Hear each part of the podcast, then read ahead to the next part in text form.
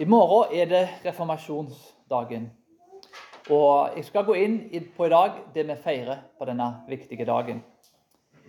Martin Luther levde fra 1483 til 1546. Han var en tysk teolog, han var en prest, han var en munk, han var en professor. Han var en mann som hadde mange kapper. Han skulle opprinnelig bli advokat, sånn som faren ønsket at han skulle bli. Eh, likt på den tid kanskje som i dag. Litt bedre betalt kanskje, og litt mer lukrativt å være advokat enn å være munk. Ikke alt har forandra seg gjennom historien.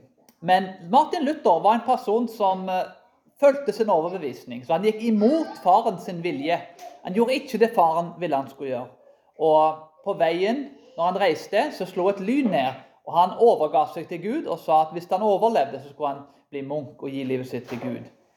Og Martin Luther var en mann som holdt løftene sine. Luther stilte spørsmål til den katolske kirka som munk, som mente da at de var den endelige og absolutte autoriteten. Den katolske kirka på den tida hadde satt seg over Guds ord. En kan gjerne si at de trodde på sola eklesia, altså kirka alene. Det var kirka som hadde autoritet over Bibelen til å bestemme, og kanskje til og med legge til det som sto i Skriften. Før Luther så har vi John Wycliffe, reformasjonens morgenstjerne. Vi har Jan Hus, som hadde stilt spørsmål og ville reformere kirka, men de hadde ikke fått gjennomslag. John Wycliffe eh, døde vel tror av hjerteinfarkt, så de fikk ikke sjanse til å brenne han. De hadde sannsynligvis gjort det hvis de hadde fått sjanse. Jan Hus ble brent på bålet og ble stoppet. Men Jan Hus, når han ble brent på bålet, fikk en profeti.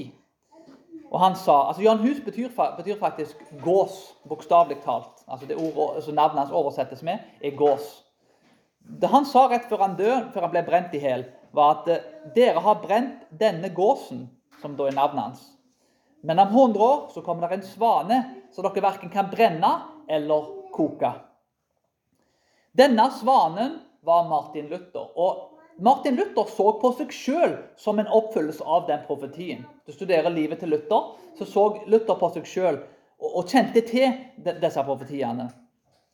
Martin Luther hengte opp 95 teser der han inviterte til debatt med sine medprester ifølge tradisjonen. Dette var en vanlig ting å gjøre på denne tida. Disse tesene ble spikra på døren til Wittenberg 31.10. i 1517. Luthers sine verk her ble oversatt til mange språk ganske kjapt. Vi hadde bokpressen nå, som virkelig slo an og gjorde at du kunne spre informasjon på en måte som du aldri har kunnet før. På mange måter så kan det sammenlignes med internett, bare at internett, internett er ti ganger kjappere. Men på mange måter så er det en, en teknologisk innovasjon som revolusjonerte verden på den tida. Luthers synd, ifølge den katolske kirka, var at han utfordra kirka rundt 1518-20. Men Luther var trofast mot sin misjon, til tross for han fikk mye kritikk. Og han sa at han ville gjerne omvende seg hvis han ble vist at han tok feil ifølge Skriften. Luther ble ekskommunisert i januar 1521 og ble kalt til Diet of Worms. Diet of Worms ble opprettet av Charles den 5., og det var da en Charles den hellige keiseren. Og Dette var et sekulært organ, men på denne tida var det mange kirkelige offiserer som var en del av kirka. Og de var dypt involvert da, og i de sekulære tingene. Fredrik den vise da, av Saxony var da en, en, veldig rik og mektig mann som støtta Luther i all hemmelighet. Han gikk ikke offentlig ut med dette her. April 17. 1521 så ble Luther spurt da, om alle bøkene han skrev imot den katolske kirka, var noe han fortsatt støtta. Og Det er svært viktig å forstå her at spørsmålet her, når han står foran dette rådet Altså, Du har den mektigste personen i verden. Se for deg sjøl hvis du står foran den, den, mest mektige personen, kanskje. Iallfall en av de mektigste i, i verden. Og Spørsmålet er egentlig vil du bli brent, eller vil du ikke bli brent. Det er der egentlig spørsmålet er. Tenk om noen hadde spurt deg hva, hva, hva syns du om, om, om, at Jesus er Gud. Svarer du nei, så blir du brent. altså Du blir drept for det du står for. Så dette var ikke et spørsmål. Ja, hm, jeg lurer på hva du har. Del refleksjonene dine med oss, Luther. Hva du syns om dette. Det var ikke den typen spørsmål. Det var enten så omvender du deg, eller så kommer du til å brenne på et bål. Så Det var det egentlig som var spørsmålet som Luther fikk. Så Det er det som gjør svaret til Luther så utrolig. Her har du en mann som er villig til å sette sitt eget liv på spissen for sannheten. Det Luther svarer her, da, det er jo et kjente svaret hans da, i Diet of Worms. Han sier jeg ser ikke på meg sjøl som en helgen, Men jeg kan ikke gå tilbake på innholdet i disse bøkene. Om jeg gjør dette, så sanksjonerer jeg umoralen til mine motstandere og gir dem rom for å knuse Guds folk med ondskap. Jeg kan ikke underordne meg min tro til en pave eller noe råd, for det er klart for meg at disse har gjort feil og har vært inkonsekvente med seg sjøl. Om jeg da ikke er overbevist fra Den hellige skrift eller fornuften, så er min samvittighet bonden av Guds ord. Og min dom er, brakt, min dom er brakt under Guds ord, så jeg kan ikke ta tilbake noen ting. For det er ikke trygt for en kristen å gå imot sin egen samvittighet. Og Da kommer det, alt, det kjente da, sitatet til Luther. Her står jeg, jeg kan ikke gjøre noe annet. Gud hjelpe meg. Amen. Og Vi vet i etterkant at hadde Luther gitt et annet svar på Dieterworm, så kunne verdenshistorien og verden kunne sett annerledes ut. Ringvirkningene av at det var en mann som sa nei, enheten er ikke viktigere enn sannheten. Sannheten er viktigere enn enheten. Og hvis det skal være enhet, så må det være bygd opp rundt det som er sant. En kan aldri få enhet uten at det er bygd rundt sannheten. Hadde ikke Luther gjort dette, så, hadde kanskje verden sett annerledes ut. Ringvirkningene av dette er, noe som jeg kunne brukt ti timer på å forklare. Men det, det, det, er kolossale. Vi i Norge er her i dag, i et luthersk land, og lever i stor grad som et resultat av at det var en mann som nekta å gi seg og var villig til å bli brent på et bål for å si det som var sant. Så, så det, det, er en helt, Hvis du studerer Luther og, og påvirkningen av det han gjorde, så er det nesten Verden er ikke den samme da, i etterkant, etter Luther sto for sannheten. Gud brukte denne mannen til å utrette store ting. Ironien i dag er at Norge er i ferd med å gjøre det motsatte. Vi har et nytt eksempel i dag.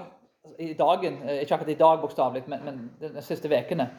Eh, der vi ser et eksempel der ei kirke tok et ståsted rundt dette med seksualitet. Og gikk i motsatt retning egentlig av det som du finner i Skriften. Og mange, Det er mange andre eksempler som vi kunne brukt. Men vi ser mye av de samme trendene i dag. At reformasjonen blir ikke videreført, den blir reversert. Den blir reversert til en grad som katolikkene aldri kunne drømt om. Vi feirer hedenskap og synd i kirka. Og de som står på Bibelens autoritet i dag, i mange kirker, blir forfulgt av andre kristne. Den bibelske Jesus blir i dag korsfesta, og han blir lukka ute av kirka. Istedenfor å gå bort og si 'gå bort og ikke synd mer', så sier vi 'gå bort og synd mer'. Og vi må spørre oss sjøl hva har skjedd.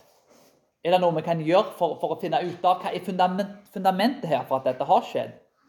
Vi har avvist reformasjonens kanskje viktigste doktrine, sola scriptura, Skriften alene.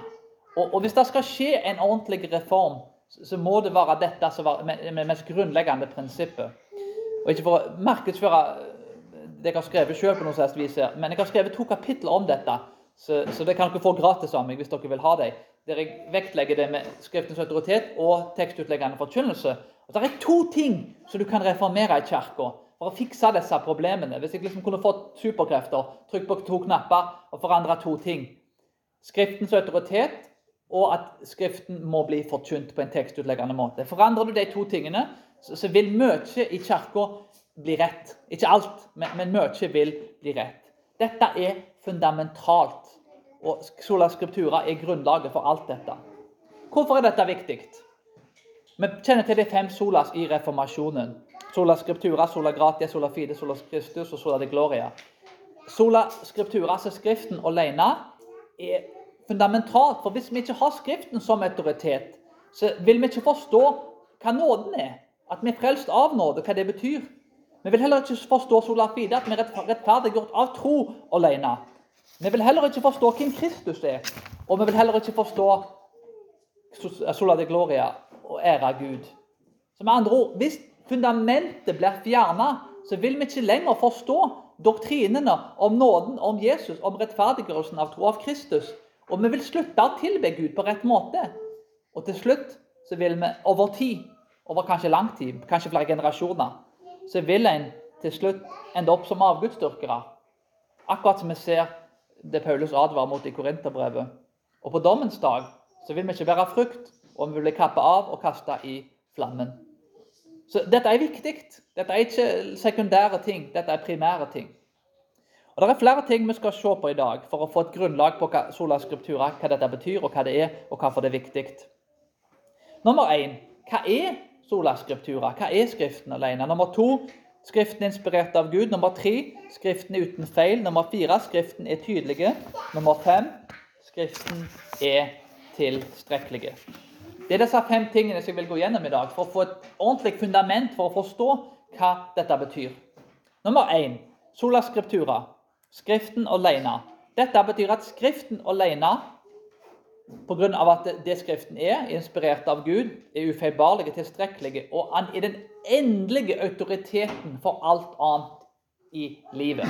Med andre ord, det er mange autoriteter, men det er én en endelig autoritet som alt skal reguleres ved. Jeg vil bare oppsummere veldig kjapt her hva sola scriptura ikke er, og hva det er. Så at, ikke, at det ikke oppstår misforståelser. For det er utrolig mange misforståelser hva det er, og hva det ikke er. Sola scriptura, Skriften alene, er ikke en påstand om at Bibelen har all kunnskap. Bibelen er ikke en vitenskapelig tekstbok og en guide der vi skal gjøre alle ting i livet. Du finner viktige sannheter utenfor Bibelen om mange ting. Om vitenskap, hva mat en skal spise, så vel som kanskje en god del andre ting. Bibelen er heller ikke et leksikon for all religiøs kunnskap. Bibelen gir oss tilstrekkelig kunnskap om Gud, hvordan vi skal reflektere og representere Han, og hva evangeliet er, så vel som en del andre ting. Men han gir oss ikke all religiøs kunnskap. Nummer tre Sola skriptura er ikke en fornektelse av Kirkens autoritet til å formidle sannhet. Jeg vokste opp i en lavkirkelig sammenheng, og svært ofte så er det et ofte kanskje en sterk forakt mot det som er høykirkelig. Og, det som er Kirka har ingen autoritet omtrent, iallfall i den tradisjonen. I, i, ikke alle er sånn, men svært mange da vil argumentere i, fall, i den retningen. Kirka er en institusjon som er blitt etablert av Jesus Kristus. Eldste satt inn for å undervise Guds ord. Kirka har en viktig rolle, men Kirka må underordnes Guds ord. Det er Guds ord som skal regulere Kirka, og ikke Kirka som skal regulere Guds ord. Og Det er her du har forskjell mellom protestant og katolikk. Det er viktig å unngå ekstremene. Katolikkene har gitt all autoritet til kirka, men protestanter har beklageligvis svært ofte gitt for lite autoritet til kirka. Jeg argumenterer ikke for noen av det, jeg argumenterer for en balanse. At en skal være balanserte på de tingene. En bibelske kirke har en sentral, viktig rolle å formidle sannhet, men de er alltid underlagt Guds sannhet i Skriften. Det fjerde punktet er at Sola scriptura er ikke en avvisning av tradisjonen. Svært ofte i dag er det en, en, en forakt mot kirkehistorie, mot det som har skjedd før. Vi lever tross alt i 2022. Vi vet bedre. Vi er opplyste og klartenkte. Tross alt, de hadde ikke iPad bak i tida, men det har vi. Og dermed så kan vi mer, og vi vet mer, og vi forstår mer. Sola scriptura har aldri vært en avvisning av tradisjonen. Det har vært en avvisning av ubibelske tradisjon.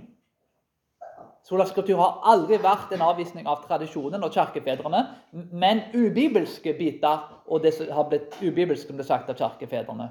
Bl.a. f.eks. sølibatet var en ting som, som, ikke var bibelsk, som du finner i Skriften. Og Dermed så ble det avvist, for det var ikke i tråd med det du finner i Bibelen. Mye av tradisjonen og kirkefedrene er bibelsk, og derfor noe som Gud har brukt da, til, til sin oppbyggelse. Men, men, det er Bibelen som skal regulere kirkefedrene. Kirkefedrene er ikke likestilt med Bibelen. Det femte er at sola scriptura er ikke en avvisning av Den hellige ånd, og at den kan veilede Kirka. Personlig så tror jeg at John Hus, den profetien han fikk, eh, var noe han fikk av Gud. Altså, Det gikk i oppfyllelse. Jeg tror ikke, eh, altså, Vi skal gå inn på dette med nådegaver senere. Men, men, jeg tror nok det var en, en ting da som han fikk og skulle overlevere. Og at dette var en oppfyllelse av noe Gud ville gjøre.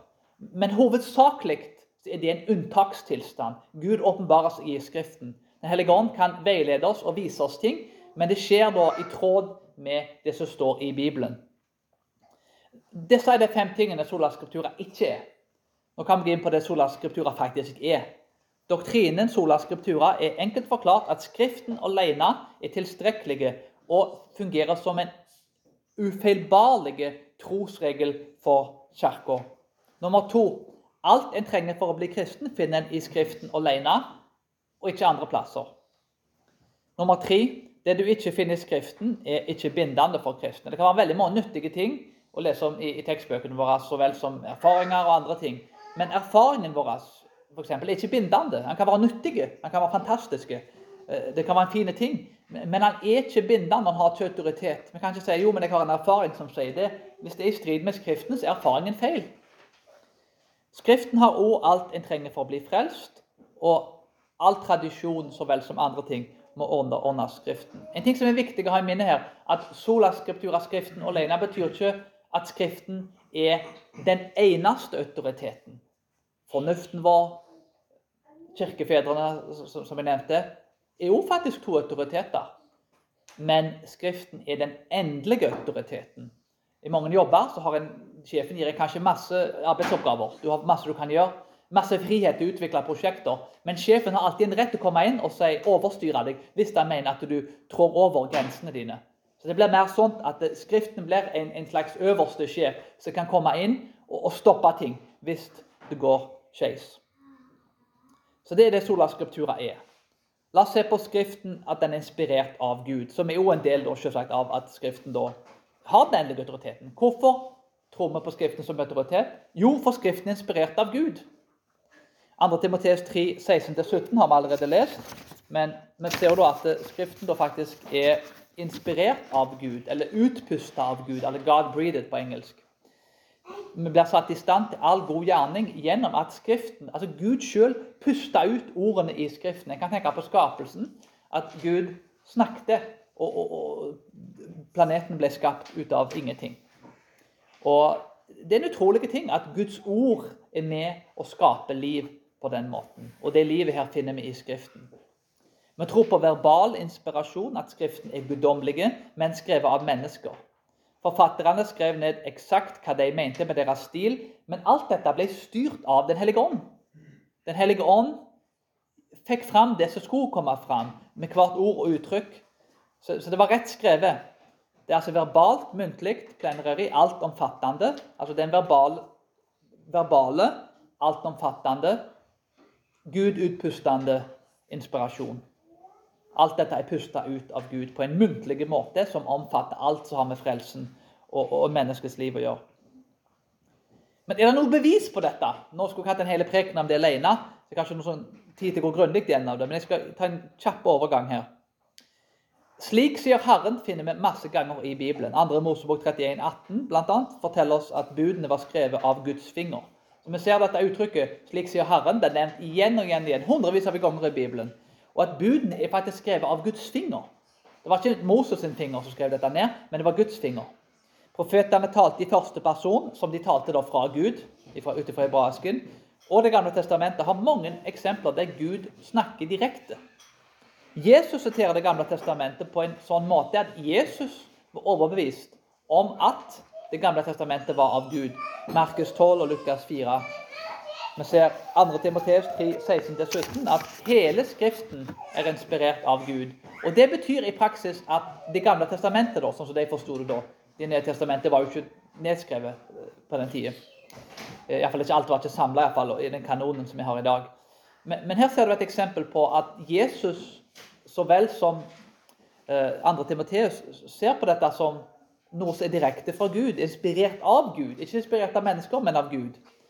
I Det nye testamentet så ser vi andre plasser at Jesus mente at hans ord, ord var fra Gud. Johannes 8, Johannes 12 så vel som Johannes 3, 14 og eh, kapittel 17, vers 8 og vers 14. I Feserbrevet 3, 2-3 så Paulus viser til åpenbaringen. Og De nye testamentlige forfatterne viser her at det ordet som de får, er ord som er av Gud. Så du kan faktisk gå inn i Skriften, både det nye og det gamle, og se at dette var folk som var overbevist om at dette var fra Gud. En annen måte å se alle på er at hvis det er gode beviser på at Jesus oppsto fra de døde, så, så, så, så, er han med å bekrefte og gir en autoritet til både Det gamle og Det nye testamentet etter han sendte ut disiplene sine. Og dermed så er Bibelen Guds ord. Og det er veldig gode beviser på disse tingene. Det, det kan vi ta under en annen sammenheng.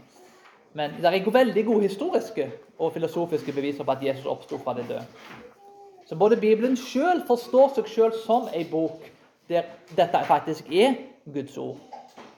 Det blir ikke definert og beskrevet som ord fra mennesker, men som det er rett ifra Gud. Så Bibelen er inspirert av Gud. Og det bringer oss til det tredje. Skriften er uten feil, altså ufeilbarlige. Det betyr at Skriften i sine opprinnelige manuskripter ikke har noen som helst feil. Og Skriften sier det forfatterne vil han skal si. Johannes 17, 17, Ditt ord er sannhet. Salme 119, 151. Herre, du er nær, alle dine bud er sannhet. Og Jesus sier, 'Jeg er veien, sannheten og livet. Ingen kommer til Faderen uten meg.' Så Jesus er ikke én sannhet. Han er sannheten. Altså, Det er én sannhet, og det er Jesus Kristus. Han er døren. Det er ikke mange dører, men det er én dør. Og hvis Jesus er Gud, og han er sannhet, så kan ikke en, en, en Gud som, som, har sannhet som et kriterium og definere sin karakter, kan ikke si noe som er usant. Bibelen sier ikke alt om alle ting, men han snakker sant og ærlig om det han sier noe om. Gud er sannhetens Gud. Så dette er første kongebok, kapittel 1 bl.a. Og ordene til den sanne Guden reflekterer hans karakter, som han er identifisert med. Og Guds karakter og hans ord går sammen. Og troverdigheten i hans tale har røtter i doktrinen om inspirasjon.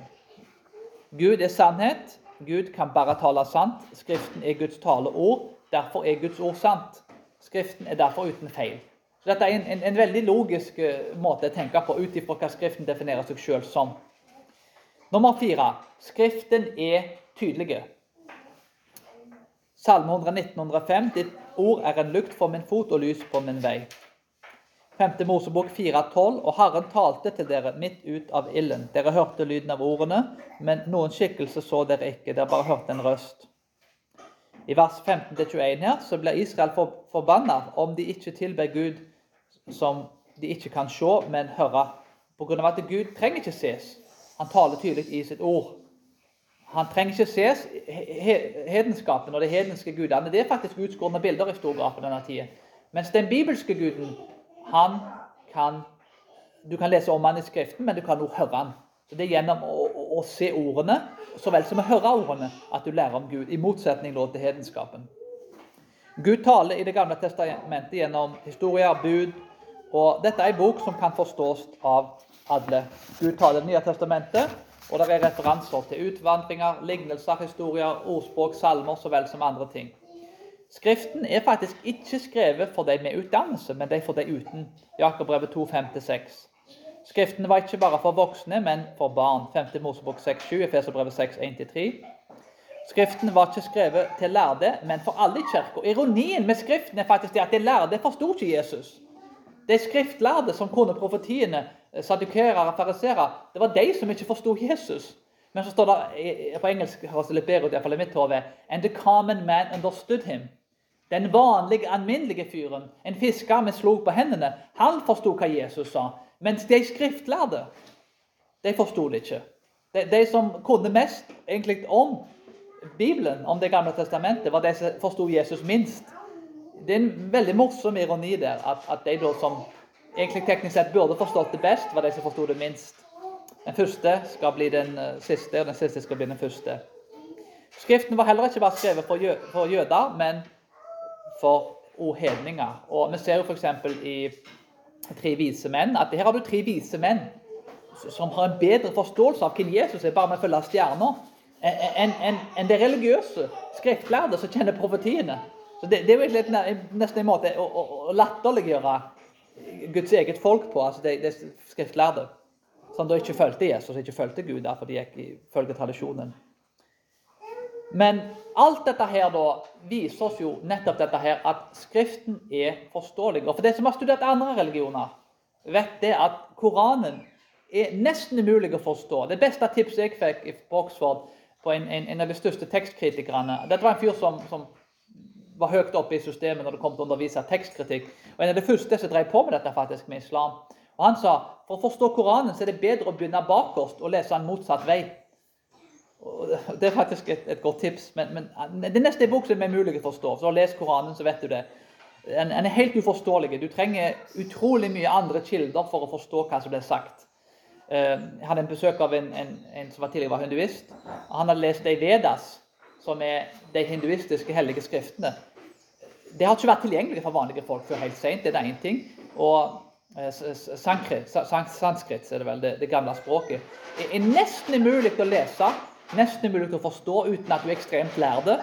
Og, og, det som står der, ifølge han jeg snakket med, så det var mulig nesten å, å forstå historiene. Det, det, det, ga ikke mening, da, ifølge han iallfall. Og når det kommer til andre religioner, så, så er det faktisk det er ikke forståelig mye av det som blir skrevet. Vi har faktisk en bok med, en historie om en kar som tar en, gruppe av slaver ut av Egypt og inn i en ørken. Altså, det er ganske forståelige ting. da. Det er formidla på en måte sånn at hvem som helst kan forstå det. Og det er ikke tilfellet med alle verdensreligioner. Det er utrolig komplisert i visse tilfeller å forstå andre religioner. De er ikke tilgjengelige på det språket som folk har engang. Alt dette, da, at Skriften er forståelig, betyr ikke at det er ikke vanskelige ting i Skriften. For det er det noen ganger.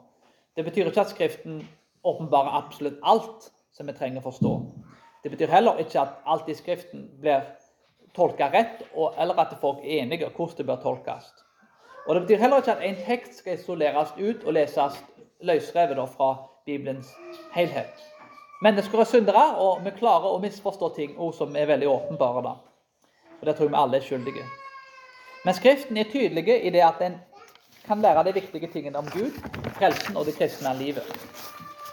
Og Et av målene til den største språksmeden som kanskje har levd i menneskets historie, som vår bibel kommer fra, Tyndale, som da ble brent, nok en person som ble brent på bålet. da. Hans mål altså Dette var en, mann som, som, hadde et grep på språk som få folk tror jeg, i etterkant kan, kan si seg kvalifiserte til, til, til å oversette en bibel. Han var en utrolig dyktig språksmed. Og Han sier da med Bibelen Dette er en fyr som har granska Skriftene. og han sier jeg avviser paven og alle hans lover. Om Gud sparer mitt liv, så skal en Gud som styrer plogen, vite mer om Skriften enn deg. Så Ifølge en av de største språkgeniene som har levd, så mente han at en, en Gud som plødde åkeren, ville kunne Bibelen bedre enn paven. Og Det kunne han aldri ha sagt hvis han ikke var overbevist om at Bibelen var tydelig. Og Det bringer oss til det femte punktet. Skriften er tilstrekkelig. Skriften er tilstrekkelig for alt vi trenger for frelse og det kristne livet. Tilstrekkelig betyr at alle ting er nødvendige for Guds ære, frelse og det kristne livet og Guds folk i Skriften. Tilstrekkelighet betyr at ingenting trenger bli lagt til Skriften. Tilstrekkelighet utelukker ikke innvendinger eller belysninger av Den hellige ånd, og han fjerner heller ikke behovet for en generell åpenbaring om visse ting. Bibelen er tilstrekkelig. Vi ser dette i 5. Mosebok 4,2. Ikke ta vekk noe, ikke legg til noe. Vi ser det i ordspråkene 30-56, og Jesus siterer fra 5. Mosebok i 8,3 i Matteus 4,4. Vi lever ikke av brød alene, men av hvert ord som kommer ut av Guds munn. Vi lever av ordet. Rombrev 15-14 så refererer Paulus til Skriften. Nå har vi sett på alle disse tingene, og det vil jeg bare oppsummere veldig kjapt. Hva er sola scriptura? At Guds ord er den endelige autoriteten. Skriften er inspirert av Gud, han er uten feil, han er tydelig, og han er tilstrekkelig. Så har du en bibel, og har du ei bok du kan ta med deg på ei øde øy, så er det veldig enkelt å ta med Bibelen. Og du, du, kan faktisk ha 40 år på ei øy med sånn Robinson Crusoe. at du, du har ei bok som flott, du kommer til, til rett og slett til, til å sitte og lese ei bok i 40 år uten å bli, bli nærheten av å bli utlærde. Andre bøker blir du lei av. Jeg blir iallfall lei av de fleste andre bøkene. Men Bibelen blir egentlig, kommer bare dypere og dypere inn i den. Jo mer ganger jeg leser brevene, jo mer spennende blir de. Og Det kan jeg ikke si om noen annen bok. Og Det er for Guds ord har en helt annen autoritet enn andre ting. Problemet i dag er i stor grad mye av det samme som reformasjonen på noen måter. Men, men det er òg andre typer utfordringer. Vi setter ikke Kirka over Skriften i dag, sånn som det var på reformasjonen. Men vi setter erfaringen, fornuften og følelser Følelser i dag er kanskje blitt den største avguden. Vi setter følelsene over Skriften. Mine følelser og min erfaring har rett til å sidestille Skriftens autoritet. Jeg har en erfaring, og derfor tok Jesus feil. Forkobler ikke det sammen sånn, men det er det de egentlig gjør i praksis, om de ikke gjør det i teori, om de ikke vil innrømme det så er det bokstavelig talt at jeg har en følelse inni hjertet mitt, og dermed så, så, så, så, tok Gud feil om disse tingene. Sånn tenker folk, beklageligvis, i stor grad. Menneskets erfaring, fornuft og følelser ble brukt til å overstyre reformasjonens viktigste doktrine, sola scriptura. Og om vi ikke ivaretar denne doktrinen og motstår den stormen og vinden som kommer Det er ikke et spørsmål om stormen og vinden kommer, det er spørsmålet når han kommer. Jeg vokste opp på Karmøy. En værhard plass. Mye vind, mye, mye regn. Du visste at det var bare et tidsspørsmål før det ble vind, før det ble regn. Og jeg bodde også rett etter meg i strand. Og det er ingen hus som er bygd på sanden på Karmøy. bare så Det er sagt. Det er veldig fine strender. Samme hvor fint det hadde vært å ha et hus på stranda da. Huset må bygges opp på et sterkt fundament. Vi vet i Matteus 7 hva som skjer med huset som blir bygd opp på sand. Det er dette i hop. Det er dette sammen. Og hvis våre liv og kirka i dag ikke er bygd opp på sola scriptura, på Skriften som den endelige autoriteten, så vil det ikke vare. Stormen kommer. Han kommer. Vinden kommer. Og den vil gjøre at dette huset vil bli ødelagt. Så vi må ha en steingrunn. Vi må ha Skriftens autoritet som et fundament. Og hvorfor? Jeg bare avslutte med dette her. Charles Finney var en kjent vekkelsespredikant. Og Han ble spurt av en unge mann hvordan forsvarer du Bibelen. Hvordan forsvarer du Bibelen? Det er et godt spørsmål. Så svarte Finni hvordan forsvarer du løva? Du slipper han ut av buret. Og han forsvarer seg sjøl. Dette er åpenbart inspirert av Martin Luther. Luther sa, ta meg som et eksempel. Jeg gikk imot avlatsbrev, pavefolk, men aldri med makt. Jeg underviste, prekte og skrev Guds ord. Utenom dette så gjorde jeg ingenting. Ordet, ifølge Luther, svekka pavedømmet mer enn noen prins eller keiser enn noen form for verdslig makt. Luther sa jeg gjorde ingenting. Ordet gjorde alt. Jeg gjorde ingenting. Jeg overlatte det til ordet. Og det er der hemmeligheten er. Og Det er derfor Skriftens autoritet er så viktig. Og det er derfor det er så viktig å forkynne det som står i Skriften. Fordi det handler ikke om de ordene som jeg har, og det jeg kan forkynne, det dere kan forkynne, det vi kan si og dele. Men Guds ord vil aldri vende tomt tilbake, som han til virker som det gjør det. Men det gjør ikke det. Det vil alltid sitte hos folk på en eller annen måte. Og det trenger gjennom marg og sjel. Det trenger gjennom beinene våre. Det berører oss åndelig og sjelelig. Det er her kraften og hemmeligheten ligger. Det ligger i ordet. Og det er der reformasjonen hviler på. Autoriteten i Guds ord, og at det ordet blir forkynt. Og Som en utfordring til oss alle da, så må vi huske på at når Martin Luther ble utfordra, så var han villig til å bli brent levende på et bål for den sannheten. La oss bli inspirert av Martin Luther og spørre oss sjøl Han var villig til å dø for sannheten. Er vi villige til å leve for Guds ord? La oss be.